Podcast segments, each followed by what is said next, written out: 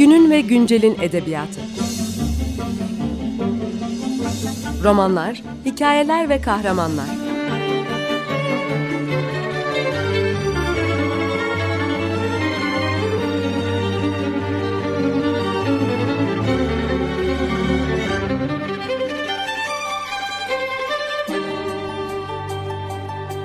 Hazırlayan ve sunan Seval Şahin.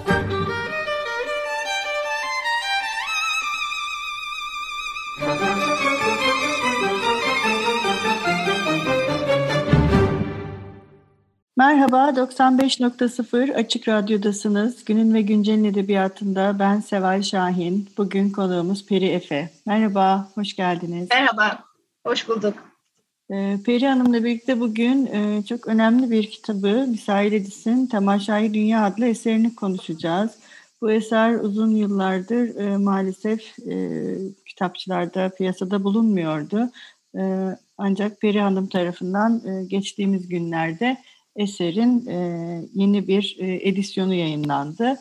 Eser şu anda Yapı Kredi Yayınları e, Kazım Taşkent Klasikleri serisi içerisinde e, yer aldı ve artık okurlar Peri Hanım sayesinde bu kitaba ulaşabilecekler. E, Peri Hanım e, nedir temaşayı e, dünya ve bunun yazarı Misailides? Biraz o, yani dinleyicilerimize e, kısaca bir bahs böyle giriş yaparak başlayalım mı? Tamam. Ee, şimdi isterseniz şöyle başlayayım. Tamaşai Dünya e, Latin alfabesini Robert Aneger sayesinde aslında 1986'da e, kazandırıldı. E, üzerinde Robert Aneger ve Vedat Günyol yazıyor ama esas e, fikir Robert Aneger'in e, Vedat Günyol'u e, yardıma çağıran kendisi. O zaman bu e, ilk e, Türkçe roman olarak kabul ediliyor. Ancak e, daha sonra bunun ilk Türkçe roman olmadığı anlaşılıyor. Çünkü e, hikayenin esası daha önce e, 1839'da basılmış o Polipatis diye bir Yunanca roman. E, Misailidis e, Osmanlı'daki Karamanlı yayını için e, ve ayrıca Osmanlı genel basın e, yayın tarihi için çok önemli bir isim. Kulalı, e, 1820'de Kula'da doğuyor. E, Karamanlı cemaatinin mensubu hem İzmir'de hem Atina'da eğitim gördükten sonra e, tekrar e, Atina'dan tekrar buraya yani e, Osmanlı şeyine dönüyor, topraklarına dönüyor, öğretmen olarak çalışıyor. En önemli yayın faaliyetleri İzmir'de ve İstanbul'da. İzmir'de kendi matbaasını kuruyor. O yandıktan sonra İstanbul'a geliyor. Gene kendi matbaasını kuruyor. Ve en önemli faaliyetlerinden biri Anatoli Gazetesi'ni ölümüne kadar çıkarıyor kendi matbaasında. Kendi matbaasında sadece e, kendi eserlerini değil birçok eser gazete dergi yayınlıyor. Dini ya da dini olmayan. Tamaşay Dünya e, onun e, bence en önemli e, eseri. Ancak e, Sevdalı Hacı Aslanis diye çevirebileceğimiz bir başka romanı daha var. Ama bu Yunanca. E, ve 1820'de İstanbul'da ölüyor. Misailis.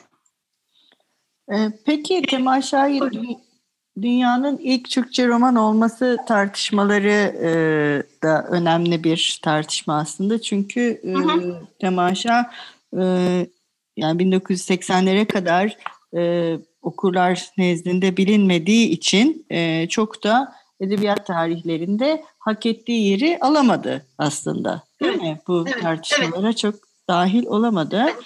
E, peki e, nasıl bir eser Tamaşa? Ne anlatıyor? Bize. E, buna şunu da ekleyeyim kısaca buna geçmeden. Aslında Misaillis de e, hak ettiği yeri bulmuş değil ben, bana sorarsanız. Doğru, yani sadece doğru. Tamaşa değil Misaillis de. E, doğru. E, İsterseniz o iki romanı karşılaştırarak gideyim çünkü Peki. fark o zaman Tabii. çok daha net gözüküyor. Evet. Ee, yani Grigorios Paleologos da İstanbul doğumlu, Fenerli bir aile. Sınıfsal olarak birbirlerinden farklılar Paleologos da Misailidis. Ve Paleologos aslında yeni kurulmuş Yunan devletinin ideolojisine e, yani onun romanı bu bu ideolojik atmosfere sahip. Oysa Misaildis'in Tamaşai dünyası aynı örgüyü yani be, örgü çok benziyor olmasına rağmen onu taşıyor olmasına rağmen aslında bir e, cemaat mensubunun yazdığı ve imparatorluk e, atmosferini taşıyor. Bir cemaat mensubunun yazdığı ve bir cemaate sesle, sesleniyor. En önemli farklarından biri değil, e, Yunanca roman e, yüksek Yunanca diyebileceğimiz dilde yazılıyor. Oysa Misaildes'in e, kitabının dili günlük dile çok yakın, sözlü kültüre, halk edebiyatına çok yakın. Biri yaklaşık 250 sayfa, 244 diye yanlış hatırlamıyorsam Yunanca olan. E, yani dolayısıyla tam bir çeviri diyemiyoruz. E, şey de 640 sayfa, Tamaşai Dünya. İçerik çok zengin. E, kaynakları çok çeşitli. Yani genellikle işte Nasrettin Hoca, e, Süleyman Meselleri diye söyleniyor ama ondan çok çok daha zengin. Fabul kitapları var, Nasrettin Hoca var, Kitab-ı Mukaddes'in çok önemi var. Süleyman Mesellerinin, Hristiyan Aziznamelerinin, Karakuş fıkralarının, Paterikonların, Tayyarzade hikayelerinin, e, bu Talmud'un, bunu devam ettirebiliriz. Mesela ben çalışırken e, şeyi fark ettim, bir e, Bekri Mustafa hikayesi var idi. O Bekri Mustafa hikayesinin e, Venedik'teki Muhitalist, San Lazaro Muhitalist e, Manastırı'nın arşivindeki Türkçe, Ermenice harfli Türkçe oyunlardan birisine çok benzediğini fark ettim. Onun da adı, e, yani ya, yanlış telaffuz etmeyeyim ama Bekri Mustafa İlni Garakiri, bu şey, hmm, Bekri Mustafa'nın karakteri, o iki, iki anlatı birbirine çok benziyor. Yani ortak kaynaklarını araştırmak çok önemli olsa gerek diye düşünüyorum mesela. E, ve de e, Yunan, esas roman diyeyim, esas örgünün aldığı roman, romanın çizgisi, düz bir çizgi takip ediyor. Oysa Misaildis daireler şeklinde yazmış Tamaşai Dünya. Yani anlatı içinde anlatı değil, sürekli bir sürekli bir daireler içinde devam ediyor.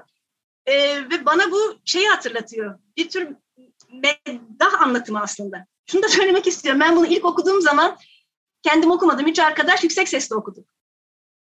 Ee, ve e, Antikara'nın e, bu konuyla ilgili makalesini okurken onun e, şey, bunun altını çizdiğini gördüm. Yani bu aslında e, okuma yazma bilmeyen insanları bir, bir araya toplanıp bir kişinin bu kitabı okuması üzerine yazılmış e, izlenimi verdiğini söylüyor. Hakikaten bir meddah anlatımı tarzı var. E, ve de esas hikaye devam ederken, bugünün okuru için çok zorlayıcı bir şey olduğunu düşünüyorum. Bunu esas hikaye devam ederken bir yan hikaye başlıyor. Yan hikaye bir başka yan hikayeye açılıyor. Sonra lafı topluyor, geri getiriyor. Dolayısıyla sık sık sanki e, sözlü bir şey anlatırmış gibi şunla kesiliyor. Şunu dedim de hatırıma bir şey geldi. Yahut gelelim manahi fihimize. Yahut artık sözümüzün de şirazezinden çıktık. Bunlar sürekli tekrarlanıyor çünkü sürekli yan hikayeler var. Evet, hitap edilen kitleye göre belki o yan hikayeler de o yüzden çok çeşitleniyor. Hani bunun birilerine anlatıldığı ve okunduğu düşünüldüğünde ilgiyi hep e, odakta tutabilmek için belki de böyle bir yazım evet, tekniği evet, var. Evet. Evet Bu, ve de e, Antikara'nın, pardon lafınızı kestim, şunu ekleyeyim ondan sonra susacağım. E, Antikara'nın e, şöyle bir saptaması var. Bunu çok önemli buluyorum. E, çok haklısınız şey açısından. Mesela Türkçe olmayan kaynakları yani bir sürü Yunan e, Yunanca kaynakları, ister dini kaynaklar olsun, ister e, halk edebiyatı ile ilgili olan kaynakları olsun, bunları Nasrettin Hoca ve Bekri Mustafa e, fıkraları haline dönüştürerek e, okuru için aşina haline getirdiğini söylüyor. Çok önemli bir saptama bence. Evet evet bu 19. yüzyılın ilk metinlerine yani bu roman metinlerine baktığımızda e, okurun hep e, yani yazarın kafasında olduğunu e, görüyoruz. Temaşa da bence de onlardan birisi. E, evet. Bir de bu kitabın e, bir diğer özelliği batılı ve doğulu metinleri birleştiriyor olması. Yani evet. kaynaklarının evet. her iki e, yani taraftan da gelen kaynakları bu metinde görebiliyoruz. Bu da ayrıca temaşayı dönemi için e, önemli bir eser yapıyor herhalde. Değil evet, mi? evet. Evet, evet. Yani gerçekten kaynakları e, ilk görüşte olduğundan çok çok daha zengin. E, mesela deyimler, e, deyimler meselesi, deyimler batı sözleri açısından çok zengin olduğu biliniyor. Bu sadece ama Türkçe deyimler ve e, mesela küfürler ve sadece Türkçe açısından değil, Yunanca açısından da bir önemi var bunların. Yani Paleologos'un tarif ettiği e, küfürleri e, Misailidis e, açık açık söylüyor Yunanca olarak. E, bu yani her iki dil açısından da bir e, zenginliği taşıdığını söylemek Evet, aynen öyle. Evet, bir hazine e, tamaşa. Evet, bir ara verelim Peri Hanım. Bugün ne çalalım, ne istersiniz? Yani iki şey seçtik aslında ama hangisini e, seçeceğimi çok bilemedim. Fakat gene de gönlüm bir ninniden yana. Misailidis'in havasına çok uygun değil. Ama bu ninni iki dilde hem Türkçe hem Yunanca. Dolayısıyla onu tercih edelim diye düşünüyorum. Ee, Yunancası yörenin anaku, Türkçesi bugünkü Kaymaklı'dan bir türkü bu. E, pardon ninni. E, söyleyen Lidya Konyaort. Peki, onu dinleyelim. Merhaba, 95.0 Açık Radyo'dasınız. Günün ve Güncel'in edebiyatında ben Seval Şahin. Bugün program konuğumuz Peri Efe ile birlikte Misailidis'in Temaşai Dünya adlı romanını konuşuyoruz. E, programımızın ilk kısmında Temaşa'nın e, Peri Hanım tarafından yapılan yeni neşrinden, önceki e, neşirleri arasındaki ilişkiden ve e, Temaşa'nın yazarı Misailidis ve Temaşa'nın kaynaklarından e, bahsetmiştik. E, burada e, şimdi biraz e, Karamanlıca yazmak nedir? E, çünkü Temaşa Karamanlıca yazılmış bir eser. E, nedir Karamanlıca yazmak Perihan? Şimdi ben ona e, Karamanlıca yazmak demiyorum Türkçe. Yani Yunan alfabesiyle Türkçe yazmak diyorum. Çünkü Karamanlıca diye ayrı bir dil olduğunu düşünmüyorum kendileri de buna e, Karamanlıca demiyorlar. En azından mesela Mesailis Karamanlıca demiyor. E, fakat tabii e, burada esas mesele bütün bu Arap alfabesi dışında diğer alfabelerle yazılan Türkçeyi e, bugünün Türkçesine ya da, ya da Latin alfabesine nasıl aktaracağım? Bu konuda çok çeşitli tabii tercihler var. E, ben isterseniz bu özel yani kendi özel durumundan bahsederek bu konuyla ilgili. Tabii tabii lütfen bu çok önemli bir şey dediğiniz gibi. Bunların Latin harflerine aktarılma süreci çok önemli lütfen. Şeyi söylemek istiyorum aslında en önce şununla başlamak gerekir. Robert Honegger bu işi yaparken e, şöyle bir şey söylüyor. Bu çok önemli.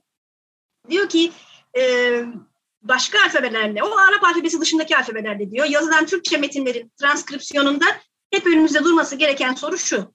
Osmanlı ortografisinin etkisi altında bulunan böyle metinler yazıldıkları dönemin Türkçesinin telaffuzunu ne kadar gösterebilir? Bence bu soru bu işleri yaparken hep önümüzde durması gereken bir soru.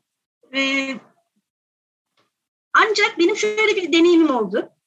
Ee, bana ilk bu kitap geldiğinde e, yani Anheger ve Günyol'un e, kitabının ya Seyde ile Dünya'nın üçüncü baskısı yapılacak. Sen onu yayına hazırlar mısın ben? Çok severek giriştim fakat çok sevindim yani. Fakat e, neyi düzelteceğimi bilemedim. Çünkü orijinalle e, Anheger'in e, tercihlerini yan yana koyduğumda ortam ortada düzelt yani düşmüş kelimelerden ya da cümlelerden başka düzeltecek bir şey yok. Çünkü ortada bir tercih var.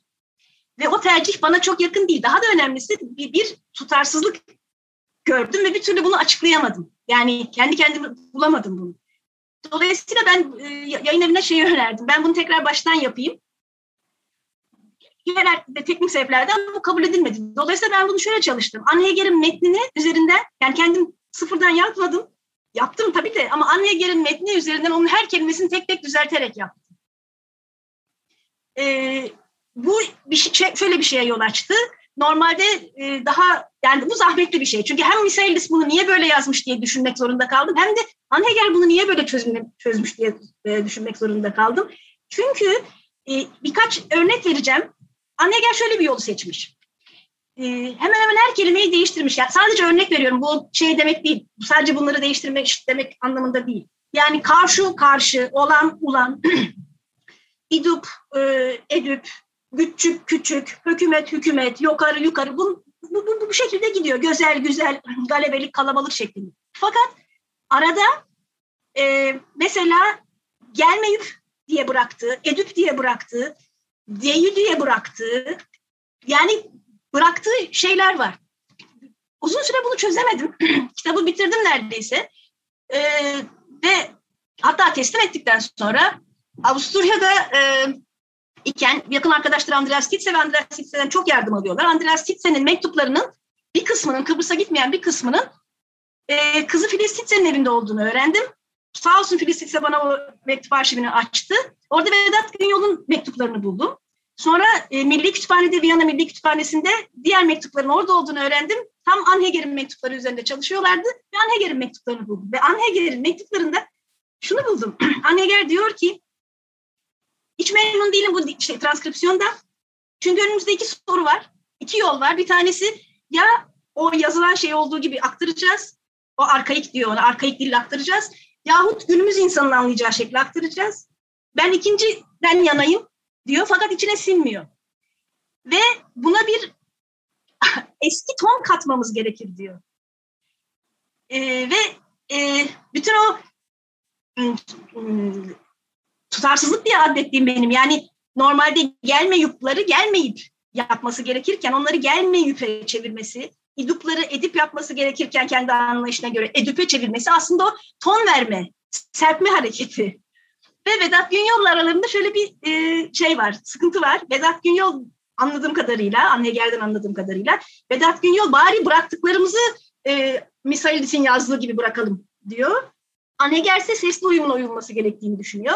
Yani demek istediğim e, bu müdahale meselesi çok şey, çok e, çok e, dikenli bir yol. Çünkü mesela e, şuna varmış, e, kelime seçimlerinde de e, müdahale var. Bir tane çok kısa bir örnek vereceğim. E, Misaildis geri geri huzurdan ayrılırken geri geri temenni ederek çık, çıkma diye anlatırken şöyle diyor. Biz artık tekrar etek öperek yankıç tarzı arkasın arkasına. Yankıç e, Anheger Dünya metninde yengeçe çevrilmiş. Oysa yankıç, yankıç kullanılan bir kelime ve çok güzel bir kelime. Bunlar da, bunlara da e, e, çok müdahale var. Ya e, ben şöyle bir yol seçtim. Duyduğumuz yani yüksek sesle okurken duyduğumu aktarmayı seçtim. E, dizgi hatası evet çok mümkün bu şeylerde fakat dizgi hatasını en son ihtimal olarak düşündüm. Çünkü şeyi gördüm. Dizgi hatasına gelene kadar eğer e, daha fazla yol denerseniz bir sonuçça ulaşılabiliyor. dizgi hatasını en son ihtimal olarak bıraktım ve Misailidis'in özellikle Yunanca bırakmayı tercih ettiği kelimeleri monastir gibi onları tutmanın önemli olduğunu düşünüyorum. Çünkü nerede Türkçe, nerede konuş, kullanmak istediğini ancak böyle anlayabiliriz. Ve o metnin aslında tadı da böyle çıkıyor diye düşünüyorum. Evet bu çok e, meşakkatli ve e, zor bir süreç. Özellikle bu tarz metinleri e, yani farklı alfabelerle yazılmış Türkçe metinleri yayına hazırlarken bahsettiğiniz sorunlar yani araştırmacının yayına hazırlayanın üzerinde çok düşünmesi gereken konular. Peki bu ne kadar sürüyor? Bu çok özür dilerim. Pardon bir şey daha ekleyebilirim. Şunu söylemem lazım. Çok önemli bu. Tabii. Buyurun. Yani ben e, şeyden rahatsız, çok rahatsız oldum. Çünkü Anheger şu anda yaşasaydı fikri değişir miydi bilmiyorum. Ama o dönemki Anheger'in bu konuya da çok kafa yorduğunu biliyorum. Hem makalelerini hem mektuplarını görünce. Dolayısıyla benim yaptığım şeyin altına imzasını atmazdı. Dolayısıyla e, bu benim e, rahatsızlık duyduğum bir şey açıkça, açıkçası söylemek gerekirse. E, ve de bütün o mektuplardan şeyi de görüyorsunuz. Onların da çok sıkıntı çektiğini hem maddi hem manevi hem birbirleriyle ilişkilerinin de bu konuda bu bozulduğunu. Çok evet çok meşakkatli bir süreç. Benim de neredeyse dört yılım aldı. Evet, o onların birlikte yaşadığı meşakkati siz de tek başınıza ve onları da yüklenerek üstlenmişsiniz üstelik. O yüzden çok ellerinize sağlık. Bir, bir de temaşa, temaşa bir e, yani e, bu 19. yüzyıl metinlerinde çok rastladığımız bir e, yani farklı coğrafyaların yer aldığı bir metin. Yani kahraman evet. farklı coğrafyalarda dolaşıyor. Bu da aslında bu tarz metinleri yayına hazırlarken karşılaşılan e, önemli e, engellerden biri mi sizce? E, evet, e, açıkçası öyle çünkü elimizde olan şey sadece bir, bir tür Türkçe, bir tür Osmanlıca, bir tür Yunanca değil. Aynı zamanda işte mesela Eflak'a gidiyor. Dolayısıyla orada Romence e, tabirler geliyor. E, tabii bir sıkıntı oluyor tabii ama esas sorun bence burada mesela e, halk Yunancası kullandığı zaman onun nasıl e, e, nasıl yorumlanacağı. Ee, mesela bir arkadaşım beni bir şey konuda, konusunda uyardı. Bir e, terimin e, Yahudi düşmanlığı içerdiği, içermesiyle ilgili uyardı. E, o daha ciddi bir soru bence.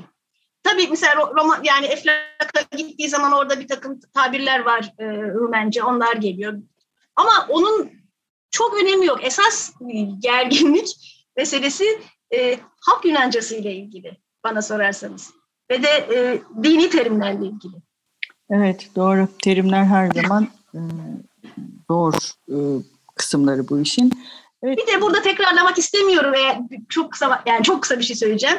E, genellikle bir ön yargı yok kitapta. Yani hani bir, işte Yeniçeri baskısı vesaire o ayrı ama böyle bir etnik e, şey olmamakla birlikte neye karşı kime karşı olduğunu söylemeyeceğim ama bugün hala kullanılan bir e, ön yargının o yıllardan beri geliyor olmasına da çok şaşırdım. Onu dipnotta belirttim. E, çok şaşırdım. E, bunu söyleyeyim biraz. Üstü kapalı oldu ama söylemeden evet, geçmeyeyim. Okurlar, okurlar okuyup bulsunlar. Ee, öyle diyelim. evet, programımızın sonuna geldik. Peri Hanım sizin son olarak eklemek istediğiniz şeyler var mı? Ben hem kendi adıma hem de Evangelinos Misailis adına çok teşekkür ederim davetiniz için. Biz çok teşekkür ederiz. Tamaşanın hak ettiği ilgiyi 21. yüzyılda fazlasıyla bulmasını umut ediyoruz. Ellerinize, dimağınıza sağlık. Ee, teşekkür ederim. Hoşçakalın. Görüşmek üzere. Günün ve güncelin edebiyatı. Romanlar, hikayeler ve kahramanlar.